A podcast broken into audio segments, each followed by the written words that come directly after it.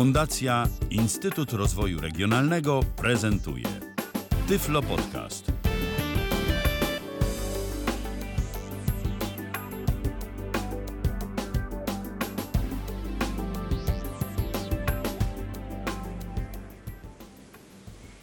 Dobry wieczór Państwu. Witam bardzo, bardzo serdecznie wszystkich słuchaczy. Dziś jest piątek, 17 listopada. Mam przyjemność gościć u Państwa w domach dzisiaj po raz pierwszy. Bardzo się z tego cieszę. I zaprosiłam do audycji, myślę, bardzo ciekawego gościa. A jest to kobieta wulkan. Wulkan energii. I chcę przedstawić Alina Koralewska. Dobry wieczór, Alino, witamy Cię. Dobry wieczór pani redaktor, dobry wieczór wszystkim słuchaczom. Zanim e, rozpoczniemy audycję, tak troszeczkę opowiem o Alinie, nakreślę jej sylwetkę. Alina e, ukończyła romanistykę i resocjalizację. Ukończyła też e, tyflo pedagogikę, studia podyplomowe. Jest absolwentką wielu kursów dotyczących psychoterapii, edukacji seksualnej i podróżu, wiele podróżuje. Mm, I też pracuje y, jako masażystka, ale oprócz tego wykonuje wiele, wiele innych y, zawodów. Ma wiele, naprawdę wiele życiowych pasji i o tych jej pasjach porozmawiamy. Myślę, że to nie będzie pierwsza y, i ostatnia audycja, że tych audycji będzie więcej, bo jest to bardzo ciekawa osobowość, która jednocześnie może służyć y, swoją radą, doświadczeniem, a w jakich kwestiach myślę, że podczas tej audycji Państwo się przekonacie. I y, można oczywiście, jak zawsze, do nas dzwonić. Podaję numer telefonu 123 834 835 123 834 835. Zapraszamy Państwa do bycia z nami. Tak, tutaj Patryk, y, który realizuje tę audycję i czuwa, jest moim aniołem stróżem, y, takim, mm, który czuwa nad całością. Y, Potwierdza, że podałam dobry numer telefonu, bo strasznie się denerwuję, proszę Państwa, bo to pierwsza moja audycja. I tej chwili już rozpoczynamy. Y, Alina, powiedz mi, y, ty należysz do tych osób y, wcześniej urodzonych, masz 63 lata. Co prawda o wieku kobiet się nie mówi powszechnie, ale ja tutaj celowo opowiadam o Twoim wieku, żeby rzeczywiście udowodnić słuchaczom, że masz nadal niespożyte siły, wiele planów i marzeń, jak bardzo ładnie powiedziałaś y, mi w rozmowie, kiedy przygotowywałyśmy tę audycję, że spełniłaś y, swoje marzenia i że jeszcze y, wiele rzeczy do spełnienia jest przed tobą, że wierzysz, że je spełnisz. Porozmawiajmy najpierw o Twoich podróżach. E, To, że e, niewidome osoby podróżują samodzielnie, jest to wiadome. Wiel, ty, były tyflopodcasty na ten temat, chociażby podcast e, z Hanią Pasterny Moje podróże w ciemno. Ale chciałam Cię zapytać o różnicę w podróżowaniu, bo kiedyś się podróżowało zupełnie inaczej. To był czas stanu wojennego, po stanie wojennym, więc podróże naprawdę nie były rzeczą łatwą. Młodszym y, słuchaczom muszę wyjaśnić, że kiedyś na przykład nie można było mieć paszportu w domu, prawda, Alino? Z, z każdym razem trzeba było y, zwracać paszport na policję. Tak, I myślę, można- że teraz, teraz ty już oddaję tobie głos i opowiesz o swoich różnych ciekawych lub mniej ciekawych przejściach, bo to naprawdę bardzo interesujące. nie można było mieć paszportu w domu. Y, Do krajów, y, do demoludów tak zwanych w tamtych czasach podróżowało się na wkładkę paszportową. E, O wkładkę paszportową było łatwiej niż o paszport, no niemniej jednak trzeba było ją mie- mieć. Ale ja chciałam zacząć od innej podróży. Od podróży, która się zaczęła przez szkołę podstawową na wsi, od szóstej klasy y, zakład dzieci i młodzieży niewidomej we Wrocławiu. I mm, mogę powiedzieć ogólnie, na pewno nie była to szkoła moich marzeń, a już zwłaszcza zawód, e, który w jakimś sensie mi narzucono, czyli jestem niewykwalifikowanym szczotkarzem, bo mam dwa lata szkoły zawodowej, a zawodówka na tamte czasy trwała trzy. Zresztą do dzisiaj mi się śni, że muszę tam wrócić i skończyć tę szkołę. No proszę. To tak jak mi, mnie się cały czas śni, że da, zdaję maturę z matematyki. E, tak, więc e, jest to na pewno e, o czymś to świadczy. E, natomiast e, na pewno w tej szkole było mi na tyle źle, że postanowiłam z niej odejść, uciec. Natomiast e, co mi, do, jaką drogę mi to otworzyło? Otworzyło mi to drogę do znajomości teatru. Otworzyło mi to drogę do znajomości opery.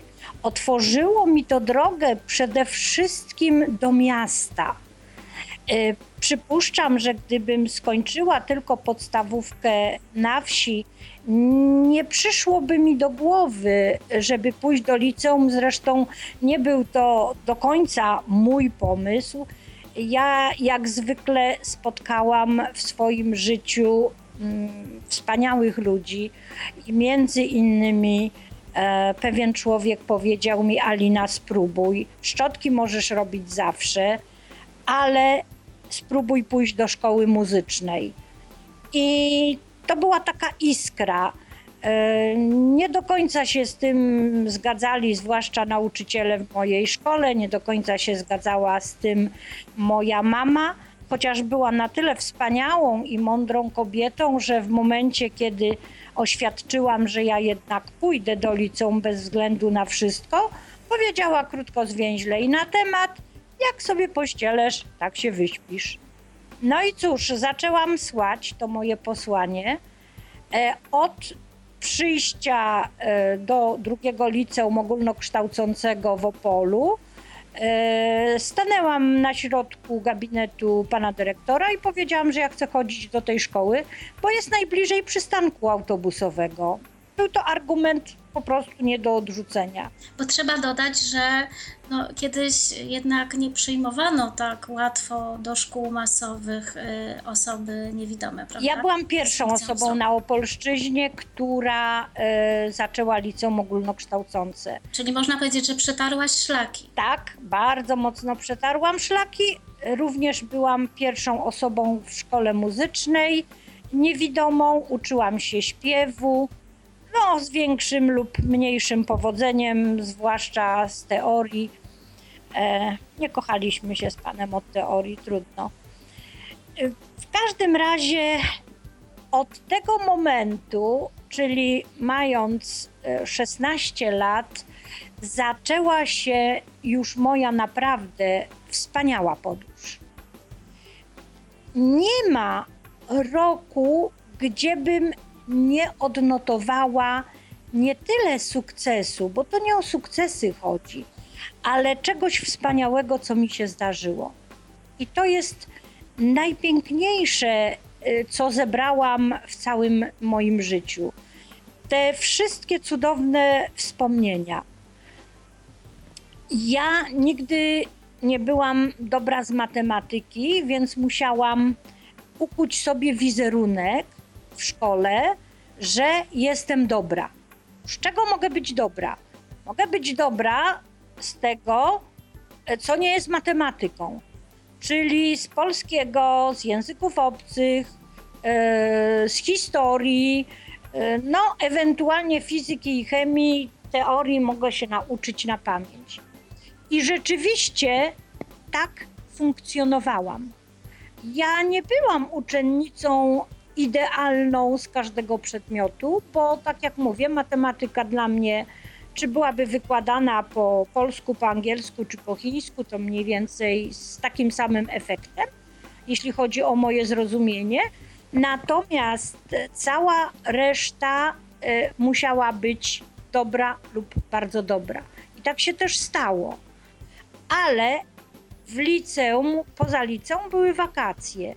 I pierwsza moja podróż to była na obóz sportowo-rehabilitacyjny, który nie wiem, młodzi nie wiedzą, co to jest, ale kiedyś były takie obozy sportowo-rehabilitacyjne, e, gdzie spotykali się ludzie uczący się poza środowiskiem, e, czyli licealiści, tudzież studenci. Tu, tudzież studenci.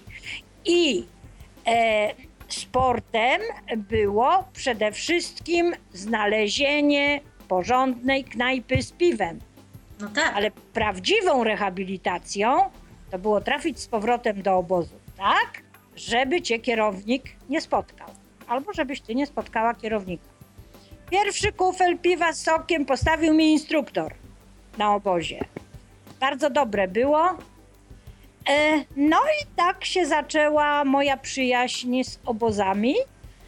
E, Drugi obóz był troszkę bliżej Opola, to był Lubliniec. E, Gdzieś tam po drodze Szczytno, potem Bory Tucholskie.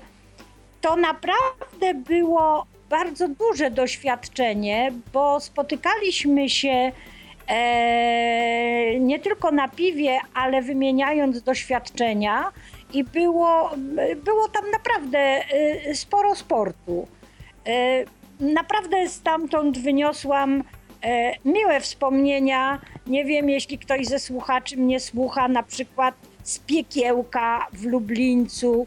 E, To była kawiarenka w tym samym budynku, gdzie y, nocowaliśmy, więc no problem był tylko, żeby z tego piekiełka się potem wdrapać na odpowiednie piętro do swojego pokoju i żeby ten pokój znaleźć. Ale było bardzo sympatycznie. Natomiast e, po maturze, e, na której zdawałam e, polski, matematykę i ustnie polski i francuski, podsumowałam moją wiedzę z liceum, a miałam fantastycznego profesora od francuskiego, który poświęcił masę swojego czasu, żeby dyktować mi teksty, czytanki. Nawet się Braille'a nauczył, żeby sprawdzać moje dyktanda, czym mnie zresztą zaskoczył. E, Więc e, podsumowując moją wiedzę, uznałam, że jednak romanistyka. Był to wspaniały wybór. Był to wspaniały wybór, e, mimo że na początku było trudno.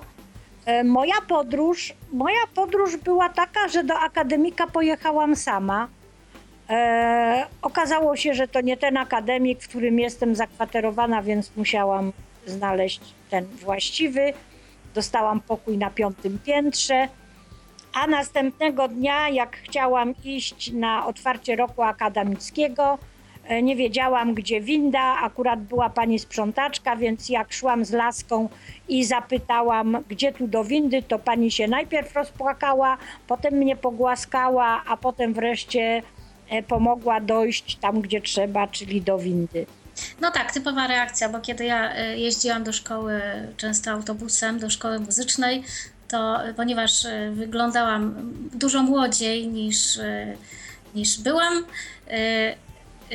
zawsze bardzo często się zdarzało, że pani, któraś z pań podchodziła do mnie ze łzami, głos drżał i pyta, dziecko, czy ty masz rodziców? Ja wtedy odpowiadałam, że owszem, mam.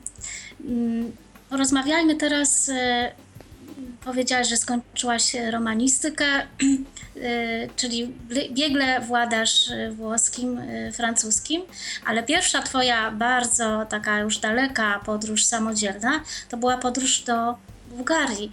Tak? A to wszystko przez miłość. O, no właśnie, za sercem można wszędzie. Tak, wszystko można.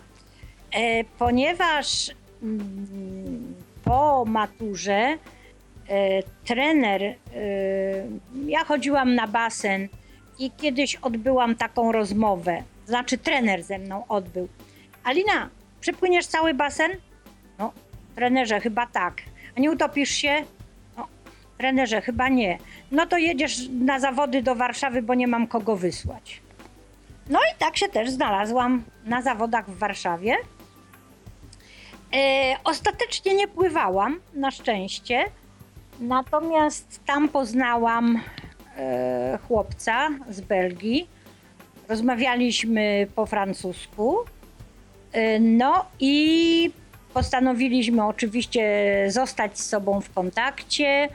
E, pisaliśmy cały mój pierwszy rok romanistyki. Dostawałam przepiękne listy po francusku, więc to była podwójna korzyść. No i w pewnym momencie e, jego rodzice nie chcieli się zgodzić, żebym ja pojechała do Belgii. Ja zaproponowałam, no to przyjedź do Polski, ale też rodzice e, nie mieli na to ochoty. A ja mieszkałam wtedy w pokoju z Bułgarką.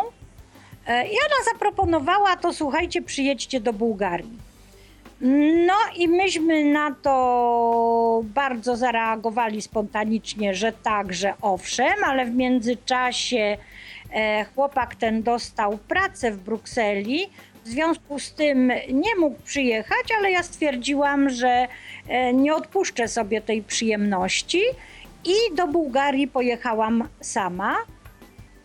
Y, Z przygodami zresztą, bo sobie wymyśliłam, że pojadę najpierw do Częstochowy, z Częstochowy do Warszawy. Potem się okazało, że jednak nie mam tego pociągu z Częstochowy, e, więc musiałam etapami jechać.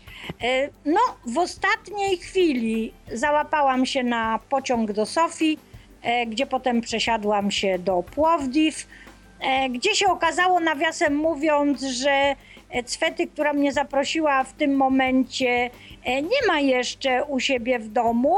Przyjął mnie e, jej teść i było to bardzo ciekawe, bo e, on rozumiał po rosyjsku, ale nie mówił.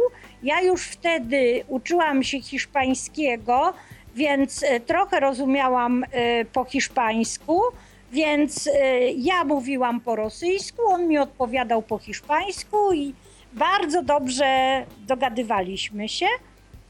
Moja mama, e, która była najwspanialszą kobietą i która nigdy nie powiedziała mi: Alina, boję się o ciebie, nie rób tego, e, nie dasz rady, e, nie podołasz. Jak mnie odprowadziła na przystanek w mojej wsi, to mnie zobaczyła następnym razem, jak wróciłam po tych trzech tygodniach, ponieważ na tamte czasy nie było możliwości zadzwonienia, a gdybym wysłała list, no to szedłby dłużej niż ja tam byłam.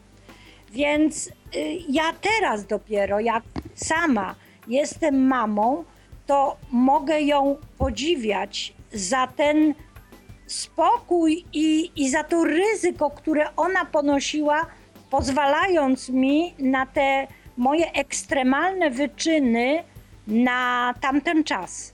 I to jest właśnie ta bardzo piękna, mądra miłość, prawda? Która Tak. pozwala wybierać, pozwala de- decydować. Na pewno mama bardzo się martwiła, odchodziła od zmysłów, co też tam się z tą Aliną dzieje, bo wiadomo, kontakt był utrudniony.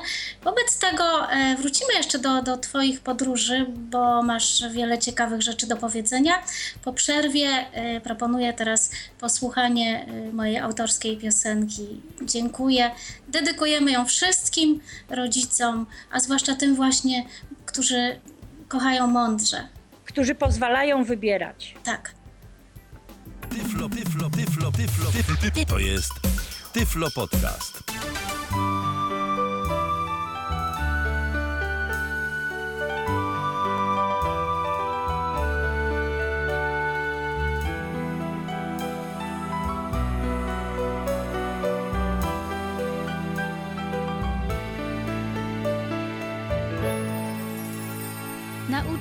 Nauczyłaś mnie cichej pokory wobec spraw, których zmienić nie mogę. Pocałunkiem koiłaś serce, kiedy głośno biło na trwogę. Często szłyśmy leśnymi dróżkami, omawiając dziecięce sprawy, które były dla ciebie tak ważne, jakby od nich zależał świat cały.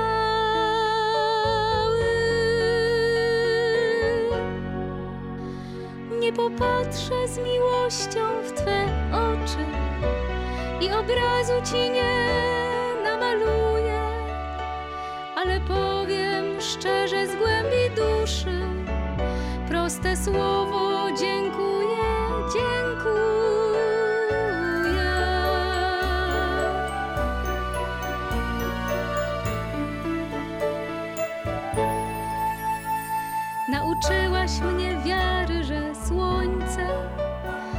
Znacznie piękniej świeci po burzy i tuliłaś zmęczone myśli, gdy wracały z dalekich podróży, a łagodnym, cichym dobranoc, delikatnym krzyżykiem na czole sprowadzałaś uśmiech promienny, odchodziły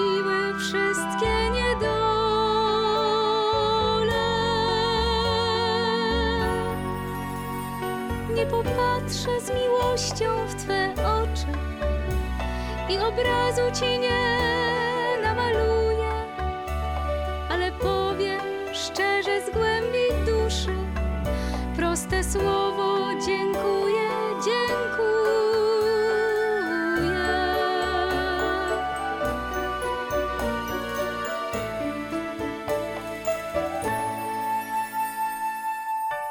A dziś popatrz, niewiele urosłam, tylko lata płyną jak szalone.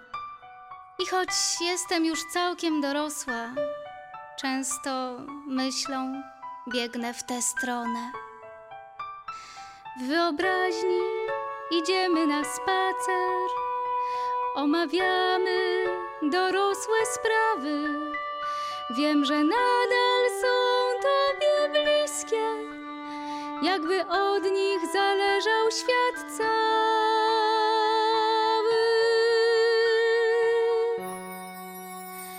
Nie popatrzę z miłością w Twe oczy i obrazu Ci nie namaluję, ale powiem szczerze z głębi duszy proste słowo dziękuję, dziękuję.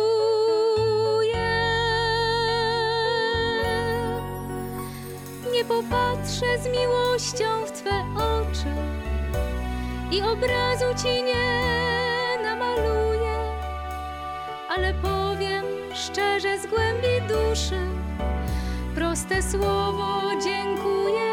Dziękuję.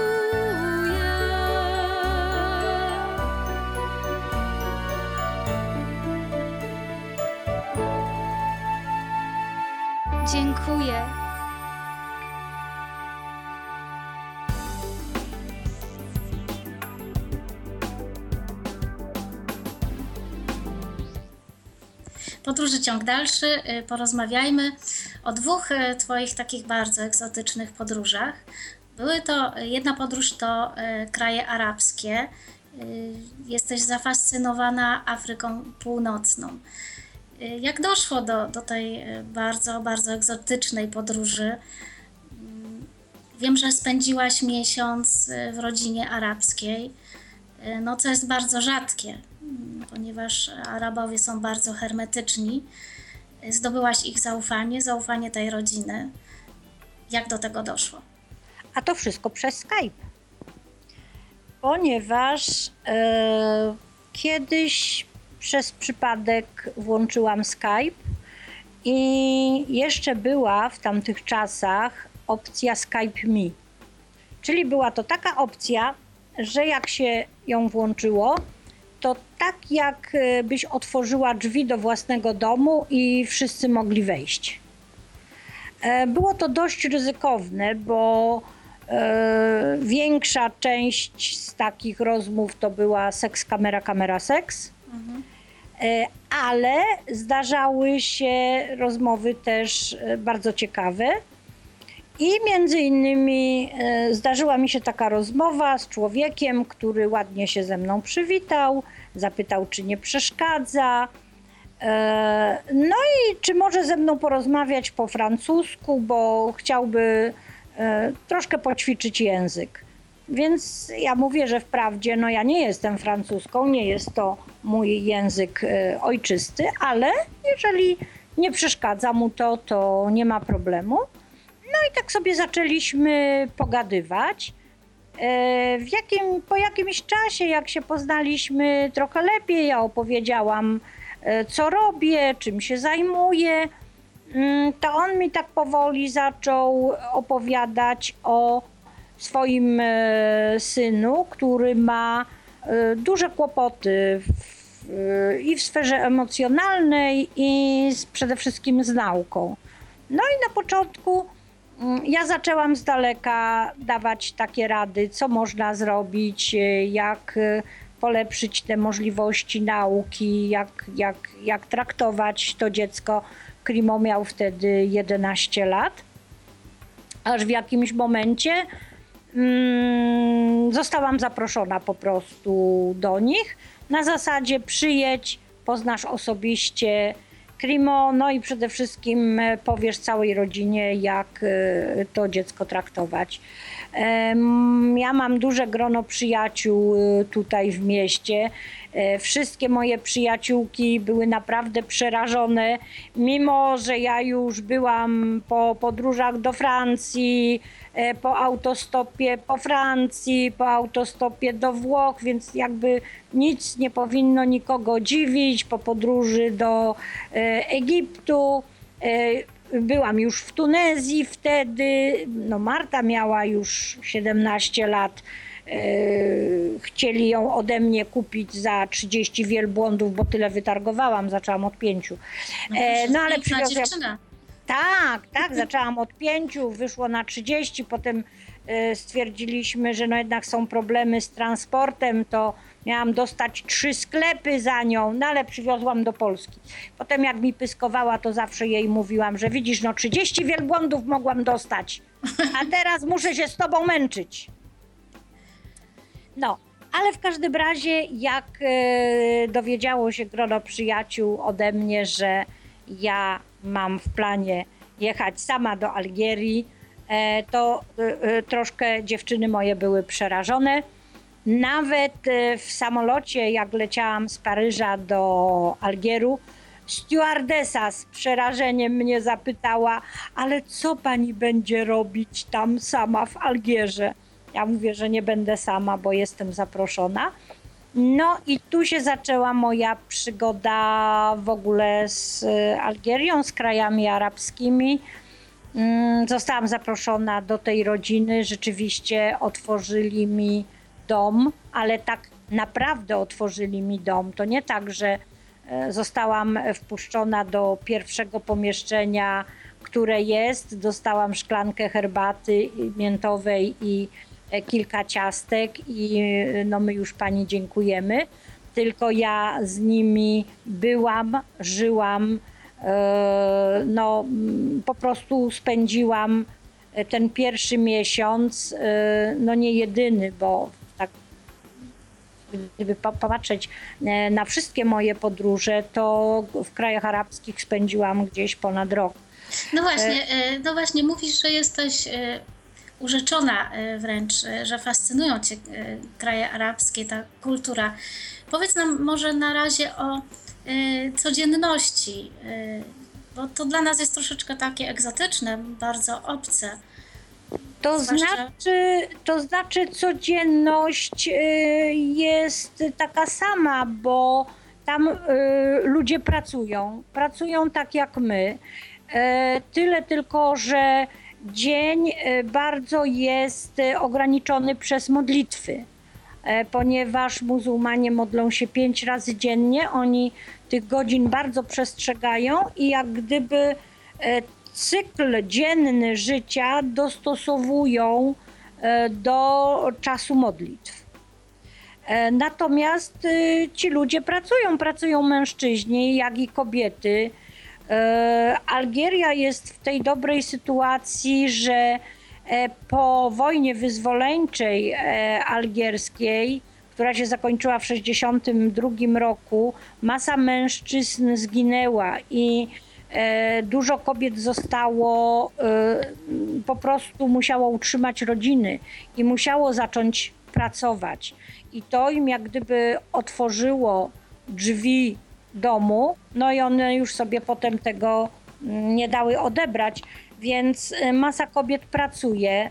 E, Pracują jako nauczycielki, jako pielęgniarki e, w urzędach, z tym, że może tak e, nie na widoku.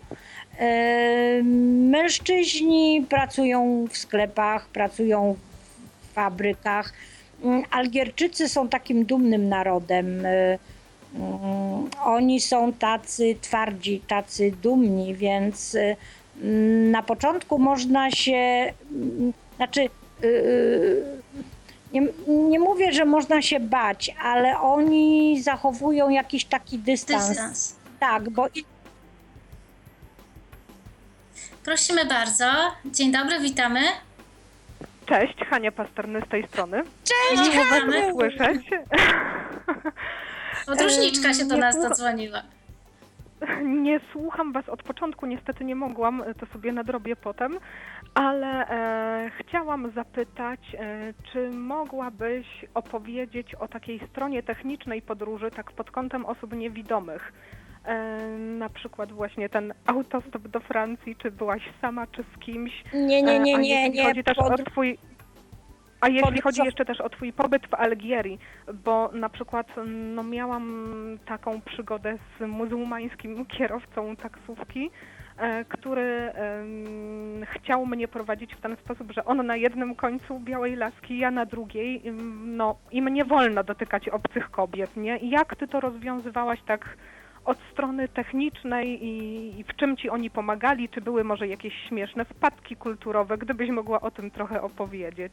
Y, y, Ja proszę Cię, Haniu, żebyś poza anteną zostawiła swój numer telefonu, do którego od naszego spotkania chcę dotrzeć, ale to już tak y, poza anteną. Ja twój też, no skontaktujemy się, bo ja No właśnie. też potem gdzieś posiałam. Jeżeli, jeżeli chodzi o te kraje muzułmańskie, to ja z kolei rozwiązywałam tak, że dotykałam ubrania. E, Nie dotykałam ręki, ale na przykład kładłam końce palców na ramieniu. E, I, Mhm. zawsze, I zawsze ja dotykałam. Ni- Nikt nie dotykał mnie. Chociaż w sumie to też było różnie, bo nieraz brałam po prostu pod rękę, ale też y, nie, nie, nie dotykając ciała. Y, Natomiast często było tak, że, że byłam odsyłana albo do kobiety, albo kobieta przychodziła do mnie. E, A jak jechałam właśnie dużą taksówką i jechałam, tak się złożyło, że jechałam sama z mężczyznami, więc rzeczywiście w momencie, kiedy trzeba było, żebym e, wyszła z taksówki, to po prostu właśnie w ten sposób, że dotknęłam e, ramienia e, tego kierowcy, ale trzeba było widzieć jego przerażoną minę. No tak. E, tak. Tak, to z tym, że ja jeżdżę, jeżeli podróżuję po krajach arabskich, to podróżuję ubrana po ich niemu, czyli w dżelabie, w huście, e, po prostu, żeby, e, żeby jak gdyby akceptować e, ich zwyczaje. No tak, i niejako wtopić się w tłum Tak, i w kulturę tam, Tak, tamtejszych i ludzi. wtedy, i wtedy też e, oni, oni mnie myślę traktują też e, z większą tolerancją, swoją. nazwijmy to. Tak, jak swoją, tak. Y, Ja wiem, że też y, przeżyłaś Ramadan. Y, Wyjaśnijmy słuchaczom, co to jest Ramadan. E, Ramadan to jest miesiąc, e, który, znaczy Ramadan jest to 28 dni, które się przeżywa e, w ciągu od wschodu do zachodu słońca bez jedzenia i bez picia. E, Je się bardzo lekki posiłek przed wschodem, przed wschodem słońca i po zachodzie słońca, e, no to już wtedy jest e, bardzo taki obfity posiłek. E, Natomiast Przepraszam, ja się rozłączę, gdyby ktoś chciał się dodzwonić jeszcze, żeby nie blokować. Bardzo dziękujemy, Haniu, że się was odezwałaś. Dziękujemy bardzo. Cześć, pa. Cześć. Natomiast tak, ja przeżyłam, bardzo chciałam przeżyć Ramadan, przeżyłam z własnej woli. Jest to duże przeżycie, e, zwłaszcza, że ja byłam e, ten, wtedy, ten, bo to jest ruchome, ponieważ nasz kalendarz się różni od e, kalendarza mm, arabskiego, więc ten miesiąc jest ruchomy. To znaczy, on nie jest ruchomy dla nich, ale jest ruchomy dla nas. Bo on się zawsze nazywa Ramadan, tylko po prostu przesuwa się co roku o 10 dni do tyłu. I wtedy, jak ja byłam pierwszy raz, to był sierpień, więc temperatura była w granicach 46, 48, e, w porywach w mieście do e, 50 stopni. Z tym, że wtedy to akurat e, było mieszkanie i była klimatyzacja, więc e, w mieszkaniu było całkiem nieźle. Gorzej, jeżeli trzeba było wyjść do miasta z jakiegoś powodu, a mm, trzeba też zauważyć, że kobiety nie wychodzą bez powodu z domu. Ona musi mieć konkretny powód, czyli coś trzeba kupić, gdzieś jest zaproszona, gdzieś trzeba przejść, gdzieś trzeba iść. Jeżeli nie ma powodu, to się po prostu z domu nie wychodzi, ale no właśnie nieraz trzeba. I najgorsze było to, jeżeli musiałyśmy wyjść na jakiś czas i potem się przychodziło do domu i na przykład była to godzina druga czy trzecia, a zachód słońca był o godzinie, przypuśćmy, przed ósmą. Yy, I to był problem, bo wtedy naprawdę się chciało pić. I muszę powiedzieć, że yy, kilka razy miałam taką ochotę w tajemnicy napić się wody, ale tak, z jednej strony bałam się, że jak się napiję wody z kranu, to może mi to zaszkodzić, ale to nawet nie chodziło o to, że mi to zaszkodzi, tylko chodziłoby o to, żeby się wydało, że ja się napiłam i że oszukałam.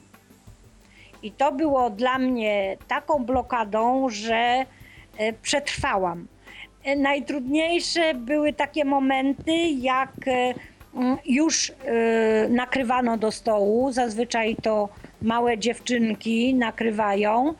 Mm, y, y, Spełnia się wtedy taki stary rytuał, bo w tej chwili nie zawsze jest tak, że siada się na ziemi, na poduszkach, są niskie stoliki. E, troszeczkę Europa wkroczyła, nieraz jest normalny stół, normalne krzesła, ale w trakcie ramadanu jednak e, schodzi się do tego poziomu, tak jak dawniej, że się siada na materacach, są takie niziutkie stoliki, wszystko się dzieje prawie na ziemi. Y, I y, już tak, dziewczynki zaczynają nakrywać stół, y, więc oczywiście talerze, szklanki, woda w dzbankach czy maślanka i odlicza się minuty. I je, ojej, jeszcze pięć minut, a tu już nie wiadomo jak się chce pić. Ale wtedy w trakcie ramadanu poczułam po raz pierwszy, że woda ma smak. No tak, docenia się wtedy, Tak, wodę, prawda? Tak, bo my, no my po prostu pijemy wodę. No, woda jak woda, niegazowana, gazowana, mineralna, jakaś tam. A woda naprawdę ma smak. I to też jest pewien rytuał picia tej wody. To nie jest tak, że się ją po prostu wypija, tylko pije się na początku małymi łyczkami i dopiero się potem wypija szklankę wody i wypija się niedużą szklaneczkę mleka lub maślanki, zależy co jest w domu, i je się kilka daktyli. Zazwyczaj to jest e, nieparzysta e, ilość, czyli albo trzy, albo pięć. No i dopiero wtedy mężczyźni idą do meczetu na modlitwę, kobiety modlą się w domu i dopiero jak mężczyźni wracają, to e, zaczyna się ten prawdziwy ramadanowy posiłek ale mm, y, zauważyłam coś pięknego. Jechaliśmy kiedyś e, w trakcie ramadanu e, od rodziny do rodziny i wiedzieliśmy, że nie zdążymy punktualnie na kolację o zachodzie słońca. Jechaliśmy, ja wiem, jakieś 20 minut samochodem. W ciągu tych 20 minut mieliśmy z ulicy cztery zaproszenia. Ludzie po prostu wychodzili, machali na zasadzie stańcie, zjedźcie z nami. E, W ogóle e, w czasie ramadanu ulice są puste. Miasta, na, w mieście, nawet największym, e, nie będzie pół człowieka, chyba że to będzie Europejczyk albo turysta, albo no, ktoś, kto nie zdążył e, przed zachodem słońca trafić tam, gdzie miał trafić. Ale zazwyczaj, zazwyczaj jest po prostu pusto. E, Jest to bardzo rodzinny miesiąc. E, Te rodziny się zapraszają między sobą. Rodziny są zazwyczaj duże.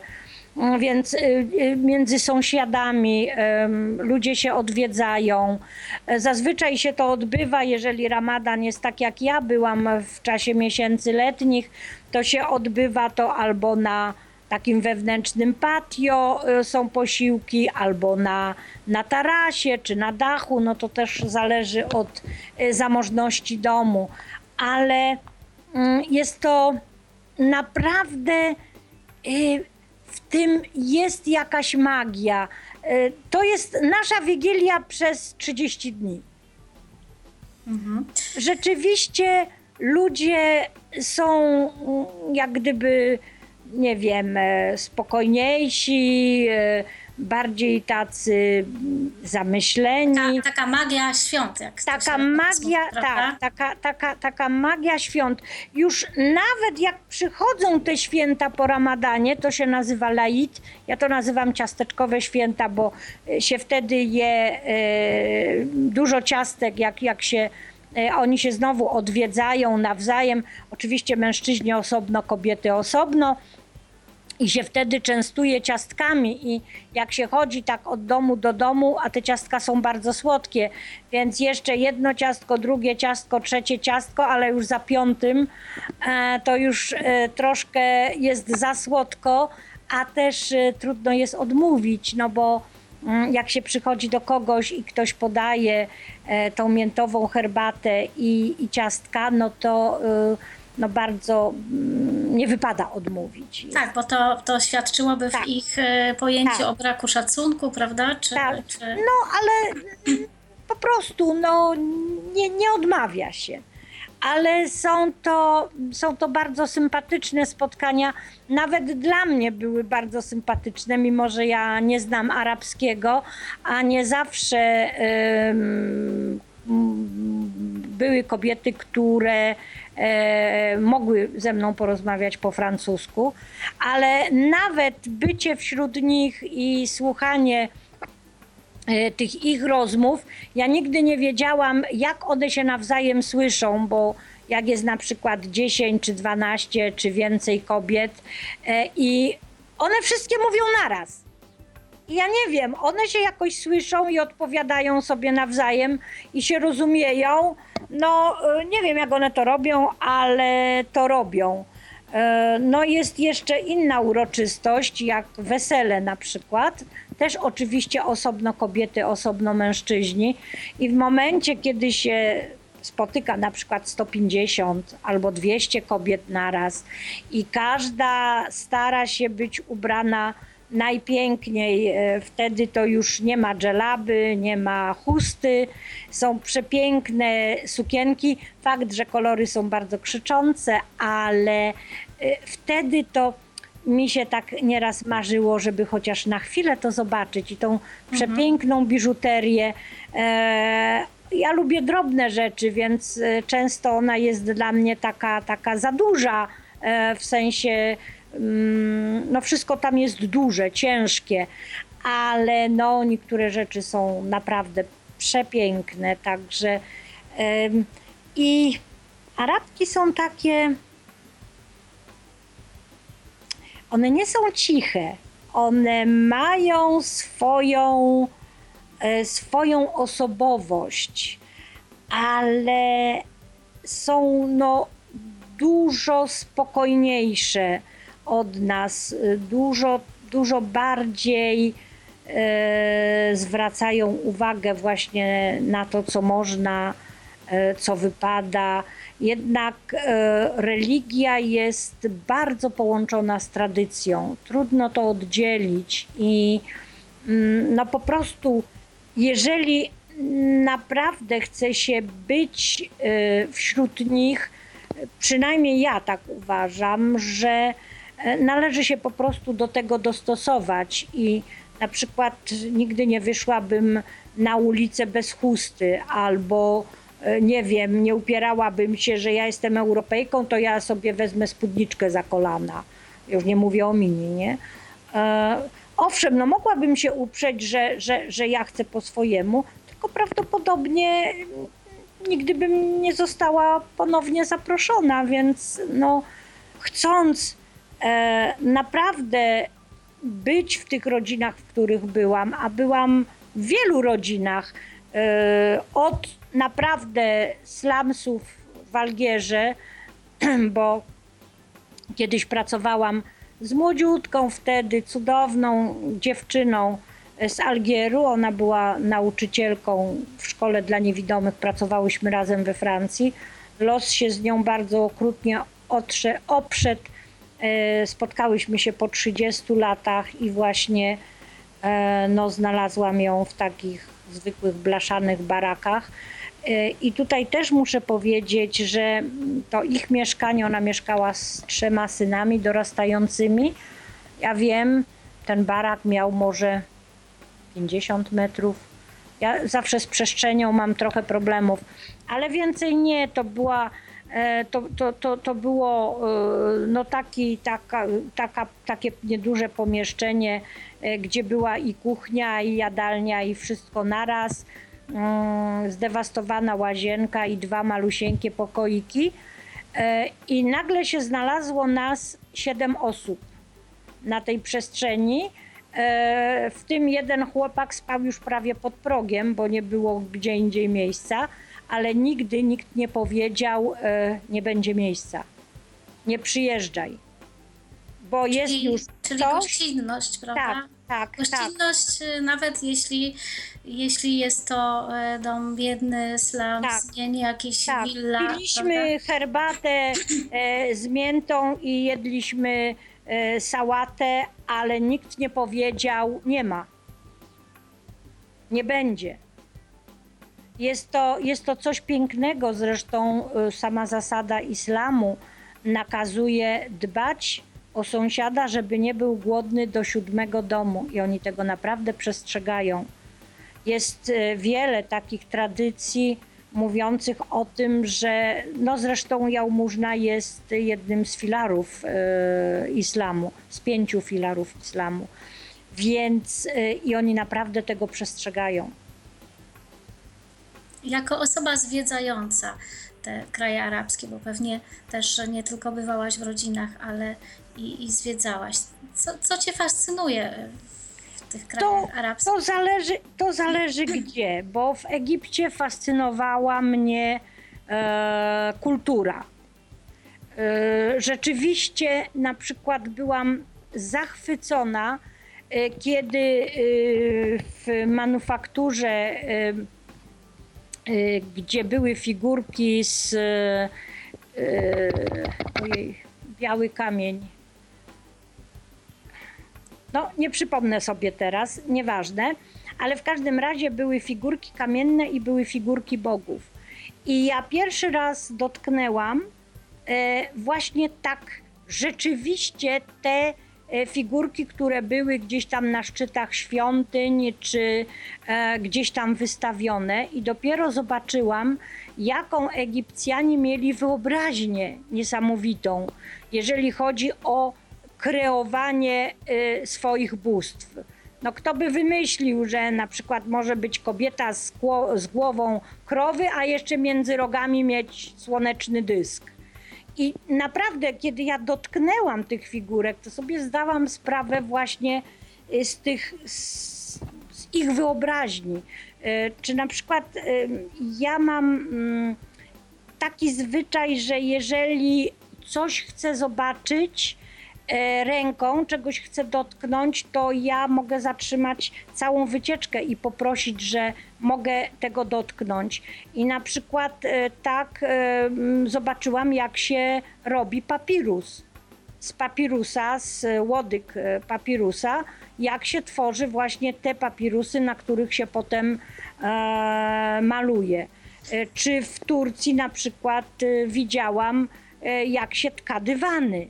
Czyli Wprawdzie wracając do, do najpierw- pytania, naj- Proszę. czy, czyli wracając do pytania e, Hani, e, kontynuując, jeśli ta twoja ciekawość świata, prawda, jeśli chciałaś coś zobaczyć, czy no, w naszym wypadku dotknąć, no to e, byłaś w stanie poprosić, tak, Tak, i wtedy cała tak. wycieczka się zatrzymywała, Tak, żebyś to mogła się to wykazuje dokładnie własną sobie... inicjatywę i muszę, Mhm. muszę przyznać, że nigdy nikt się temu nie sprzeciwił.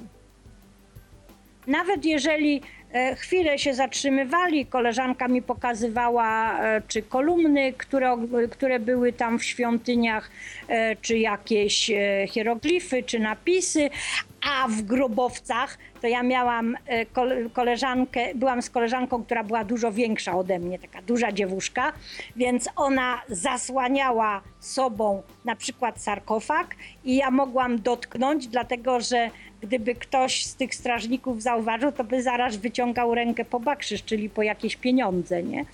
Więc e, ona stawała, zasłaniała, e, ja wyciągałam za nią rękę i mogłam sobie obejrzeć na przykład e, rzeźby na sarkofagu czy, czy, czy reliewy. No i udało nam się wejść do najgłębszego grobowca w Dolinie Królów, który był dostępny do zwiedzania. Także no, było to takie duże, duże przeżycie. Zresztą ten Egipt wspominam bardzo miło, poza muchami, które były po prostu plagą. Rzeczywiście były plagą. Miałaś okazję też pojeździć na wielbłądzie? Miałam okazję pojeździć na wielbłądzie i to jeździłam e, kilka razy. Pierwszy raz jechałam na wielbłądzie w Tunezji.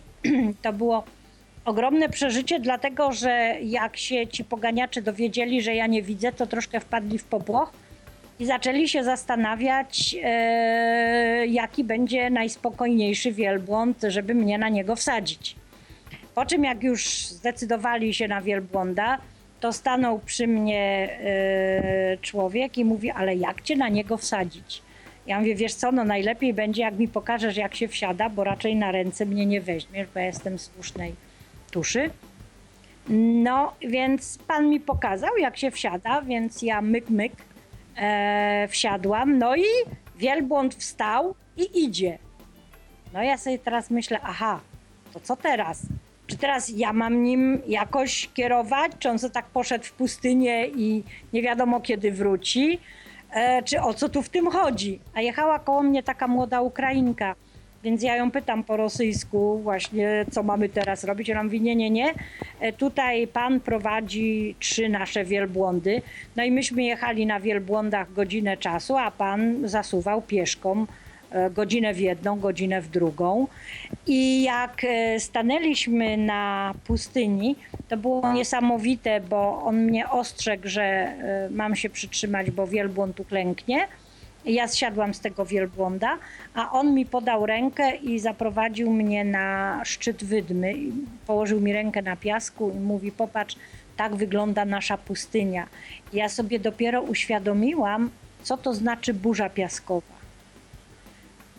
Ja myślałam, że pustynia to jest taka większa plaża, że piasek jest taki jak na plaży. Okazuje się, że nie, że to jest mąka, to jest pył. W dotyku to jest bardzo przyjemne. To jest jak aksamit. Ale właśnie każde, każdy podmuch wiatru to jest po prostu zabójstwo. Zresztą będąc w Algierii miałam okazję to odczuć, bo nieraz jak wieje wiatr od Sahary, od pustyni, oni to nazywają żółty wiatr, to właśnie ten piasek jest wszędzie.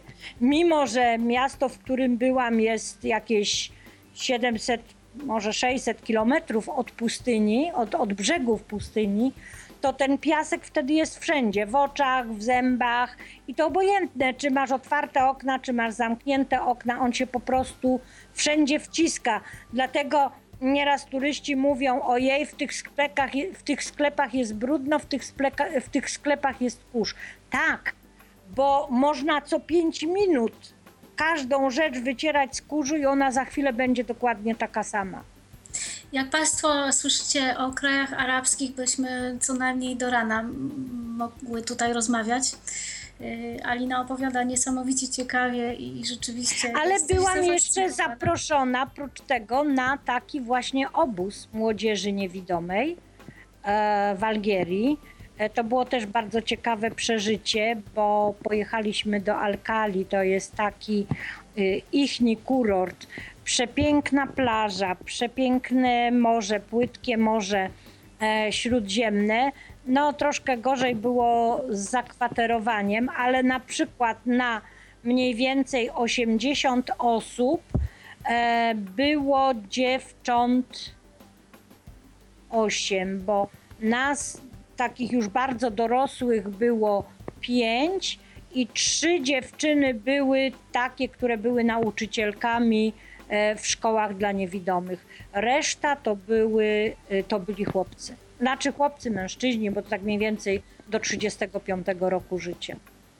I ty byłaś tam na tym obozie. Tak, tak, ja byłam tam na tym obozie właśnie przez tydzień, nie, przez 10 dni e, jako osoba zaproszona. Trochę uczyłam poruszania się z białą laską, no tego wszystkiego, co, co, co było w danym momencie potrzebne.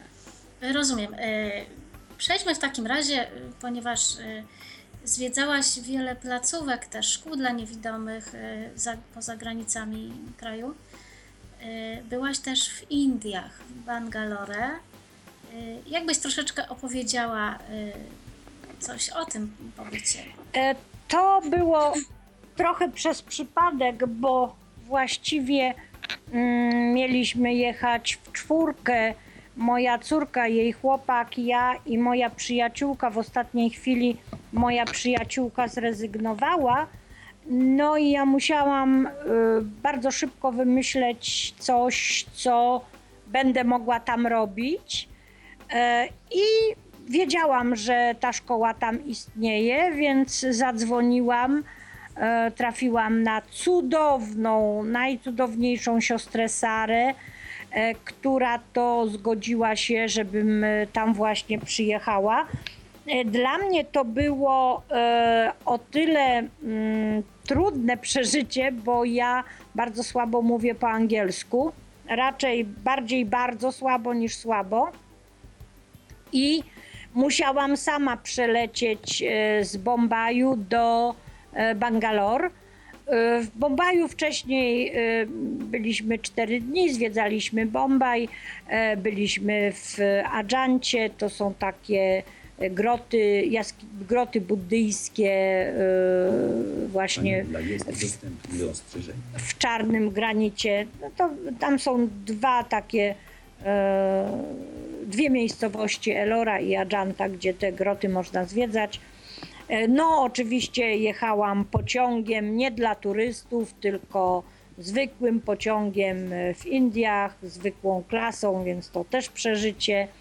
No i mm, trzeba było, y, dzieci odprowadziły mnie na lotnisko, a tam jest tak, że na lotnisko mogą wejść tylko osoby upoważnione, czyli z biletem. Nie ma osób odprowadzających. No i owszem, e, Marta przekazała mnie w ręce e, jakiejś kobitki, ale tutaj się zaczęły schody, no bo angielski.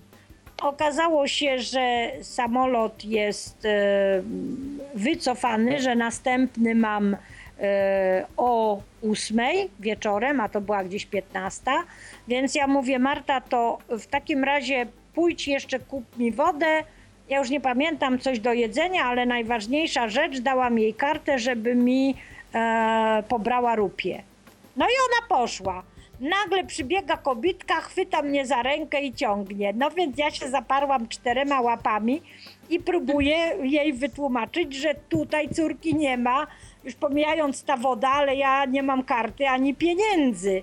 No więc y, y, y, trochę się zaczęłyśmy przeciągać, która silniejsza.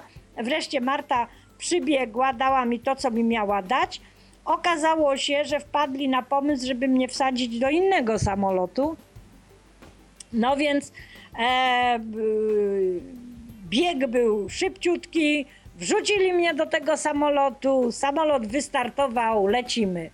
Więc ja już sobie myślę, dobra, poczekam na tą moją właściwą godzinę e, przylotu, już nie będę nikogo zawiadamiać. E, Już nawet się nie sprzeciwiałam, jak z wózkiem inwalidzkim do mnie podjechali. E, Mówię, dobra, będę robić za księżniczkę, nie ma problemu. No i przyjechałam do szkoły. Szkoła jest stworzona przez siostry w Laskach, znaczy siostry z Lasek.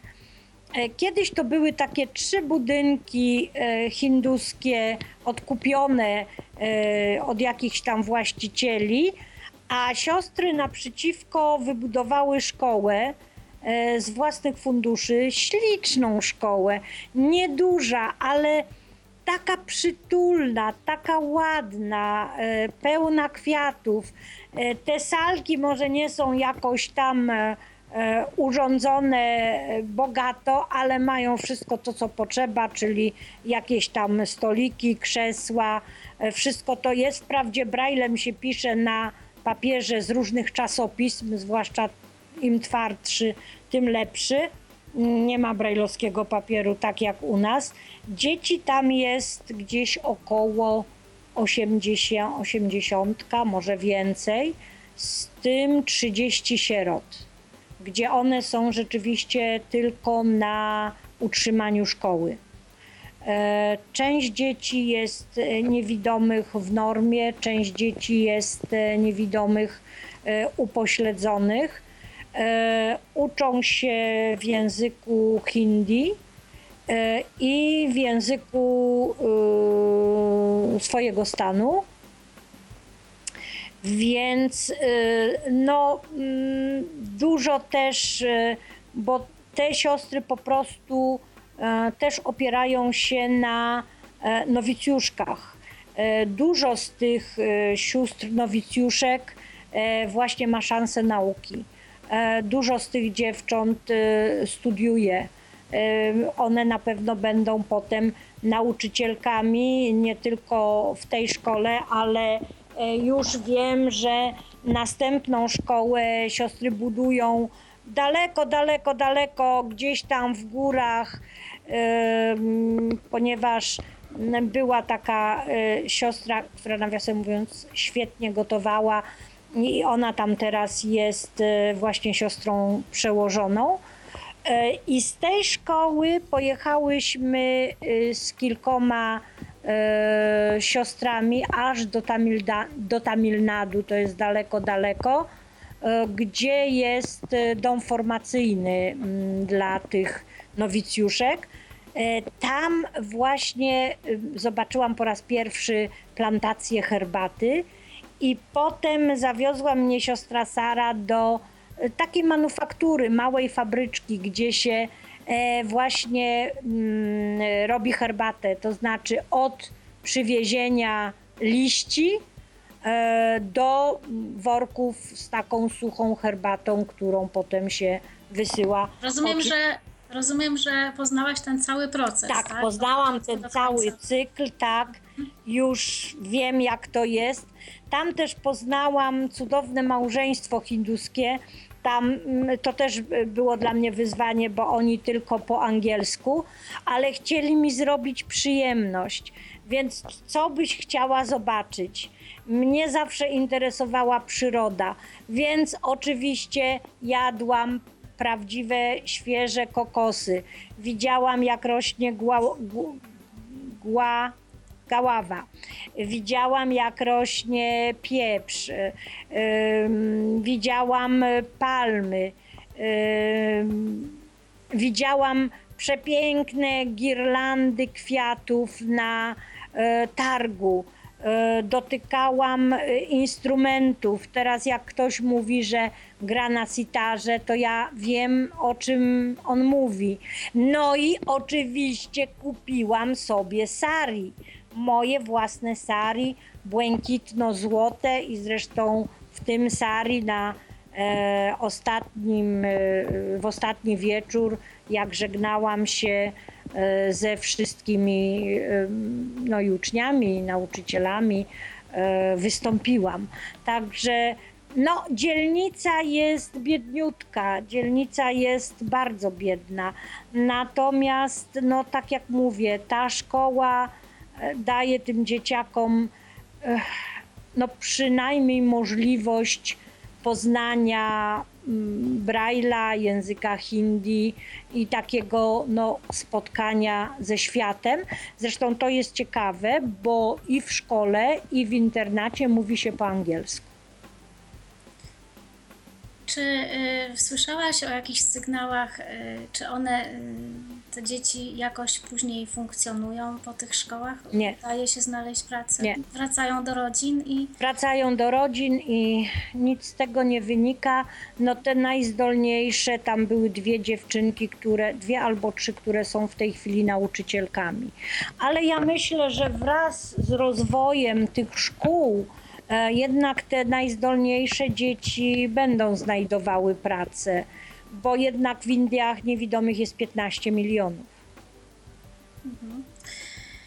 No dużo by jeszcze można było mówić o, o Twoich podróżach. To wszystko jest bardzo ciekawe, ale mm, ponieważ na początku powiedziałam, że ta nasza audycja będzie wielowątkowa, to teraz y, po przerwie porozmawiamy zupełnie, zupełnie o czym innym. Piosenka Uczę się godzić.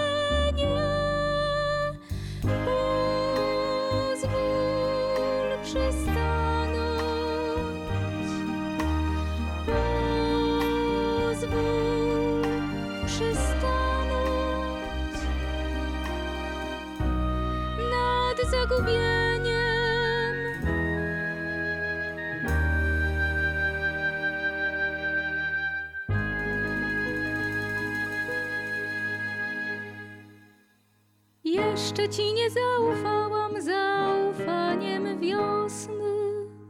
Jeszcze nie odpowiedziałam tak śmiechem radosnym. Jeszcze cię nie zrozumiałam w trudnych doświadczeniach. Jeszcze cię nie pokochałam w dniach twego milczenia.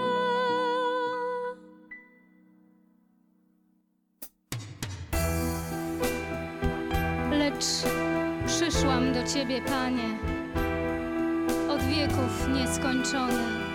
Ojcze, modlitwą silnych, Ojcze mocno zranionych, niepogodzona z sobą, pośrodku zła, powodzi.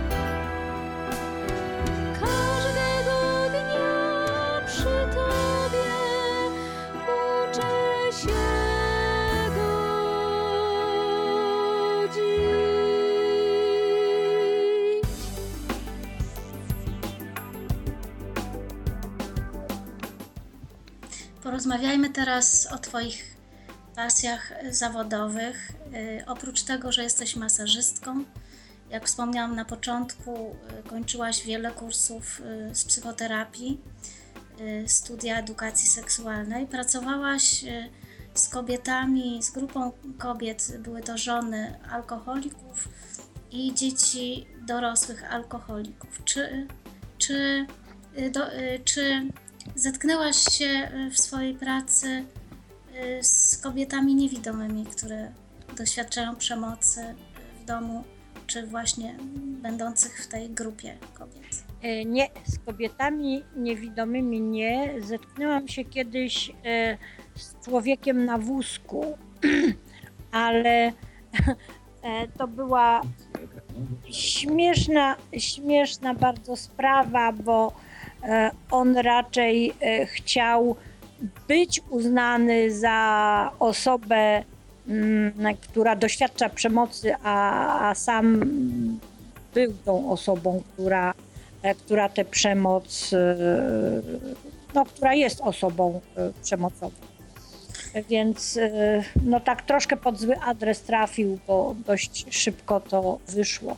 Nie, ja myślę, że u nas, u kobiet niewidomych, mm, jest to tak, że one y, bardzo trudno y, wychodzą ze swoimi problemami na zewnątrz. Chociaż nie, przepraszam, była, ale to dużo, dużo, dużo później i zupełnie e, w innej sytuacji. Rzeczywiście była dziewczyn, dziewczyna e, niedowidząca, gdzie mąż był niewidomy, mąż był alkoholikiem e, i rzeczywiście ona doświadczała dużej przemocy. No, zresztą potem się rozwiodła i e, jej życie potoczyło się zupełnie inaczej. Mm.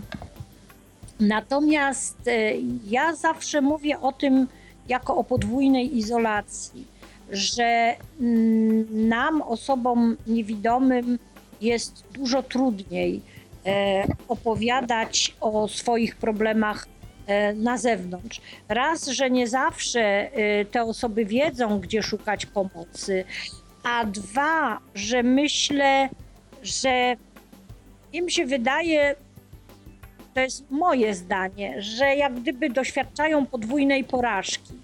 Jednej to to, że y, są ym, niewidome, czy tam niedowidzące, a drugiej to, że im się e, nie powiodło. I to jak gdyby bardzo blokuje e, te osoby.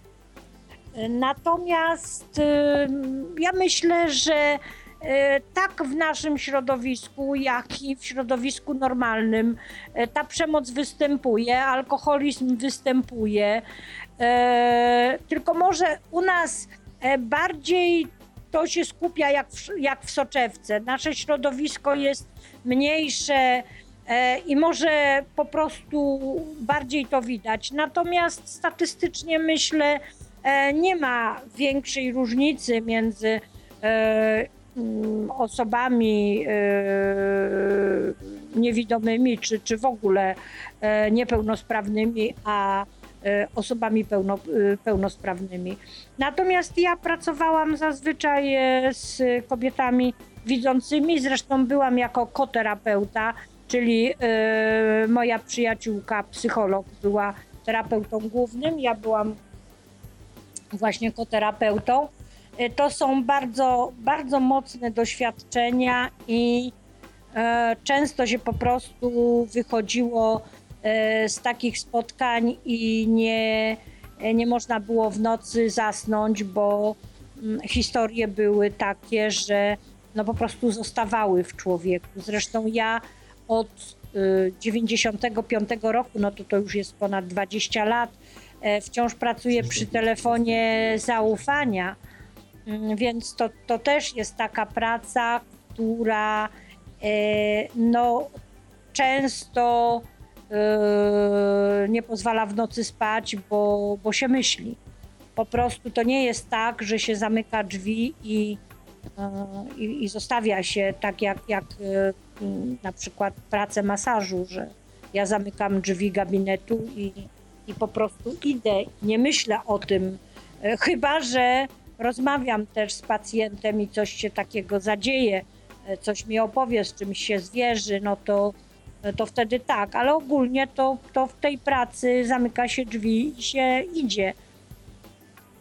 No właśnie, chciałam Cię zapytać, y, bo ja kiedyś y, byłam na obozie z młodzieżą i przyznam, że byłam w ogromnym szoku, ponieważ dwie dziewczynki wobec mnie bardzo się otworzyły. To były młodziutkie dziewczynki, 14-letnie, które przez lata, przez całe lata y, ukrywały fakt, y, że były molestowane. I ja y, nie wiedziałam, co zrobić z tym ciężarem.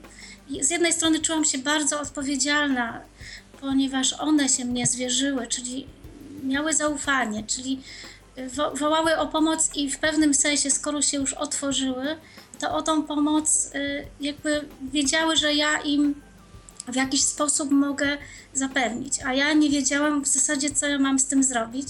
Oczywiście zgłosiłam e, tę sprawę wychowawczyni, no ponieważ ja nie jestem ani opiekunem prawnym, ani właściwie byłam zupełnie spoza internatu. E, No na szczęście wiem, że jedna z tych dziewczynek przeszła terapię kilkuletnią, ale e, jak my mamy reagować, no, zwłaszcza jeśli chodzi osoby, niewido- o osoby niewidome, ponieważ no, ja się zetknęłam e, z przemocą w rodzinie I, i naprawdę wtedy człowiek bez żadnego przeszkolenia, bez e, żadnej wiedzy, no, nie bardzo wie jak reagować, a z drugiej strony czuje się ten ciężar. Chciałoby się pomóc tej osobie. Często ofiara też nie zgadza się na pomoc, bo się boi, bo jest zastraszana, albo zgadza się w pierwszej chwili, a potem się wycofuje. Jak sobie z tym radzić? Oczywiście to jest też temat na. y, Na osobną audycję, Tak, wszystkiego nie zgłębimy tutaj.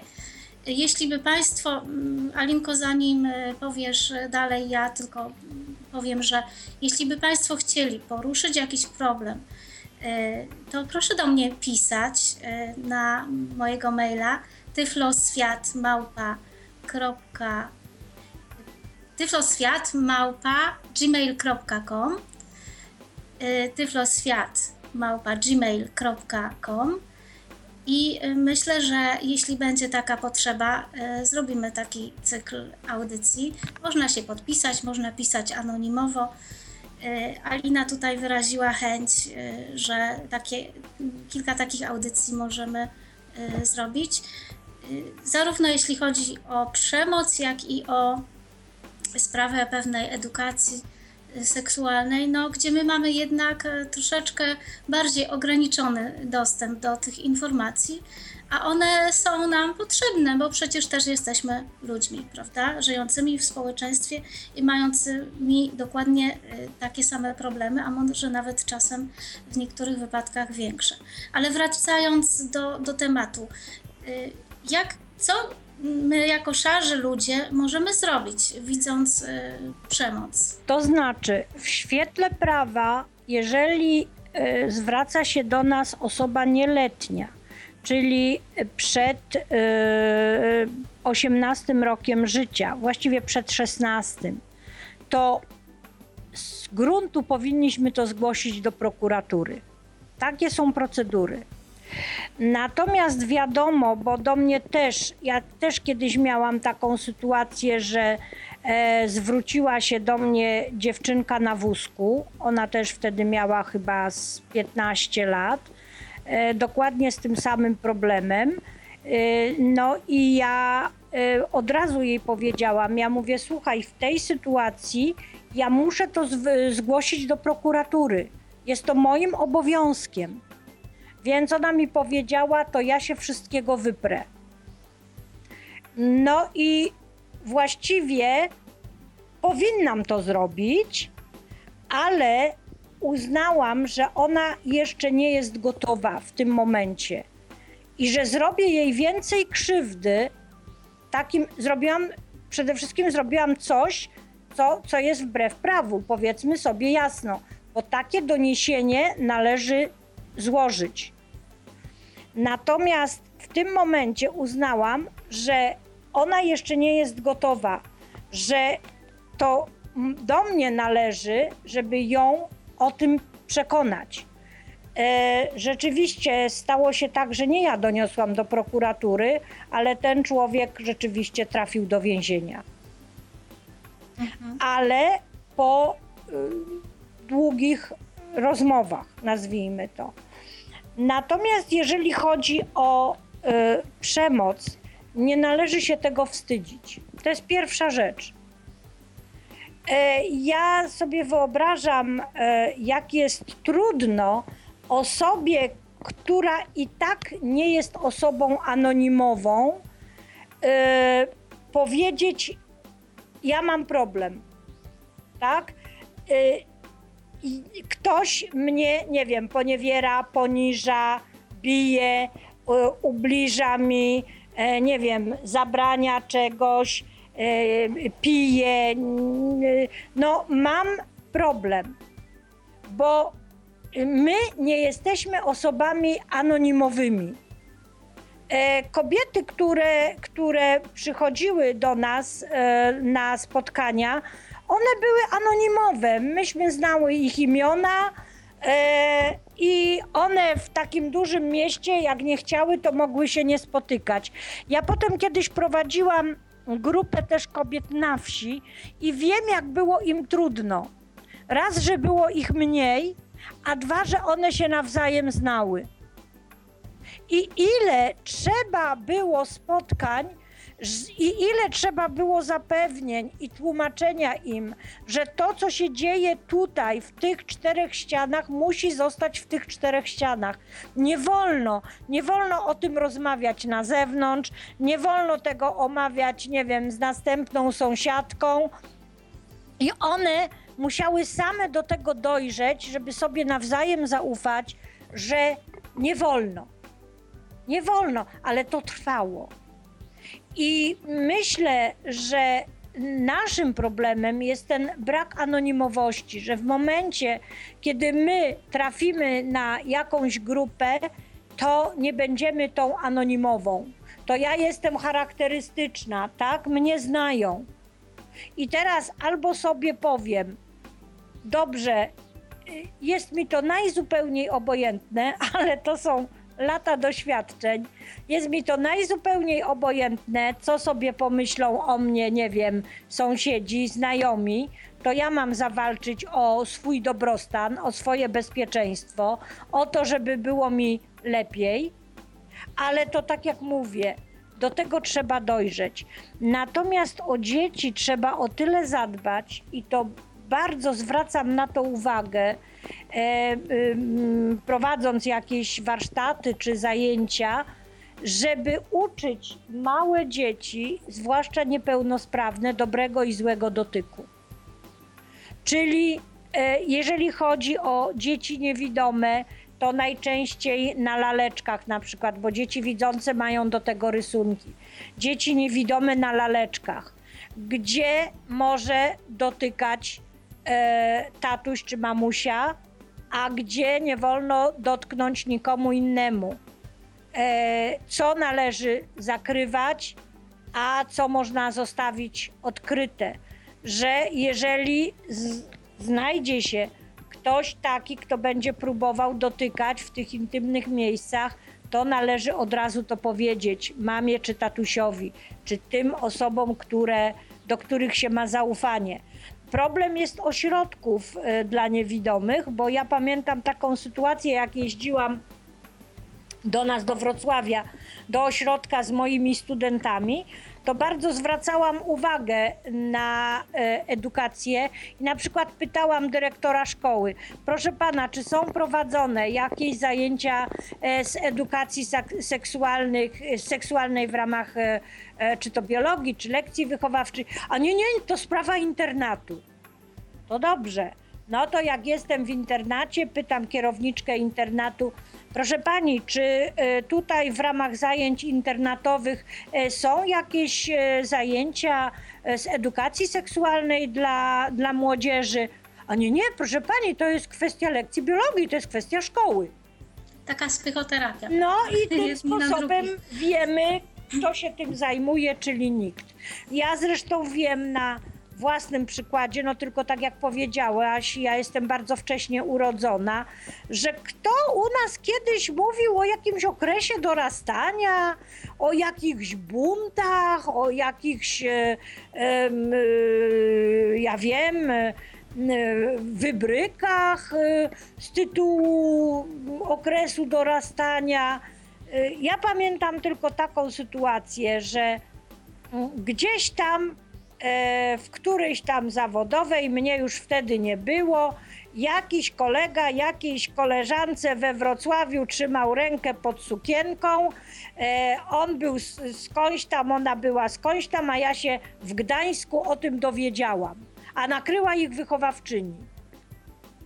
No. Tak, tak. Więc y, on miał rękę pod sukienką we Wrocławiu, ja byłam już wtedy y, nie wiem gdzie w Opolu czy gdzieś tam, a w Gdańsku się dowiedziałam, tak? Czyli Więc brak jak tej- to poszło? Jaka Tak. była dyskrecja e, tej kobiety? kompletny brak dyskrecji. No, Proszę, proszę Państwa, e, gdyby e, ktoś chciał e, do mnie napisać, podzielić się swoimi sprawami, swoimi problemami, e, nie tylko do, dotyczącymi e, przemocy, tak w ogóle. Chciałabym, e, żebyście, żebyśmy razem współtworzyli te audycje. Alina, tak jak powiedziałam, będzie nam służyła przez jakiś czas radą i doświadczeniem. Ja myślę, że mm, pora już chyba skończyć tę naszą audycję, bo i tak e, wszystkich tematów e, nie wyczerpiemy. Ta audycja musiałaby trwać do rana. E, Zasygnowałeś, za, tylko tak za, zarysowałyśmy, o, o czym te audycje mogłyby być. Zachęcam Państwa, podaję jeszcze raz maila tyfloswiat małpa gmail.com Alino, bardzo dziękuję Ci za zaproszenie. Bardzo dziękuję, że się zgodziłaś podzielić swoimi doświadczeniami, swoimi wrażeniami z podróży. Bardzo się też cieszę, że odnowiłyśmy kontakt. Audycję realizował i czuwał nad nami Patryk Faliszewski. A teraz jeszcze na koniec kołysanka, tak żeby się wszystkim dobrze spało. Bajka na dobranoc, a ja już dziękuję Państwu za uwagę. Wiesława Stolarczyk. ja również chciałam się ze słuchaczami pożegnać, podziękować tym najbardziej wytrwałym e, za dotrwanie do końca. Dziękuję, że byliście Państwo z nami. Dobranoc.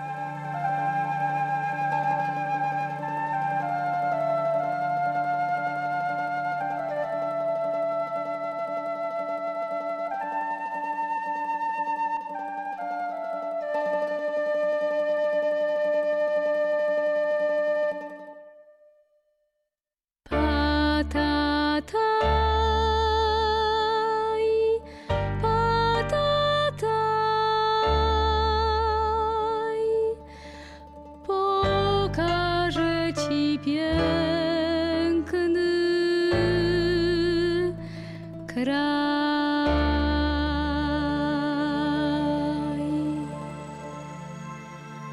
Patataj, patataj, pokażę ci piękny kraj. Patataj, patataj, pokażę ci piękny kraj.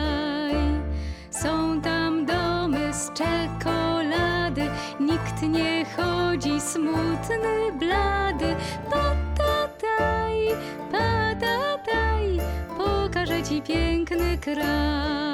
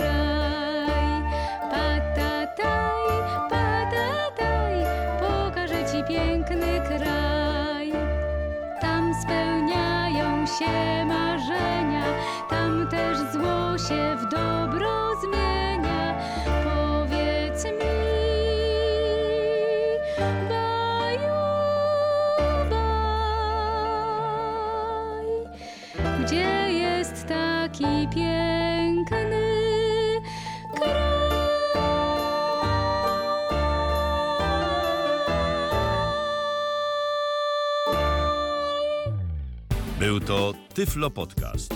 Pierwszy polski podcast dla niewidomych i słabowidzących. Program współfinansowany ze środków Państwowego Funduszu Rehabilitacji Osób Niepełnosprawnych.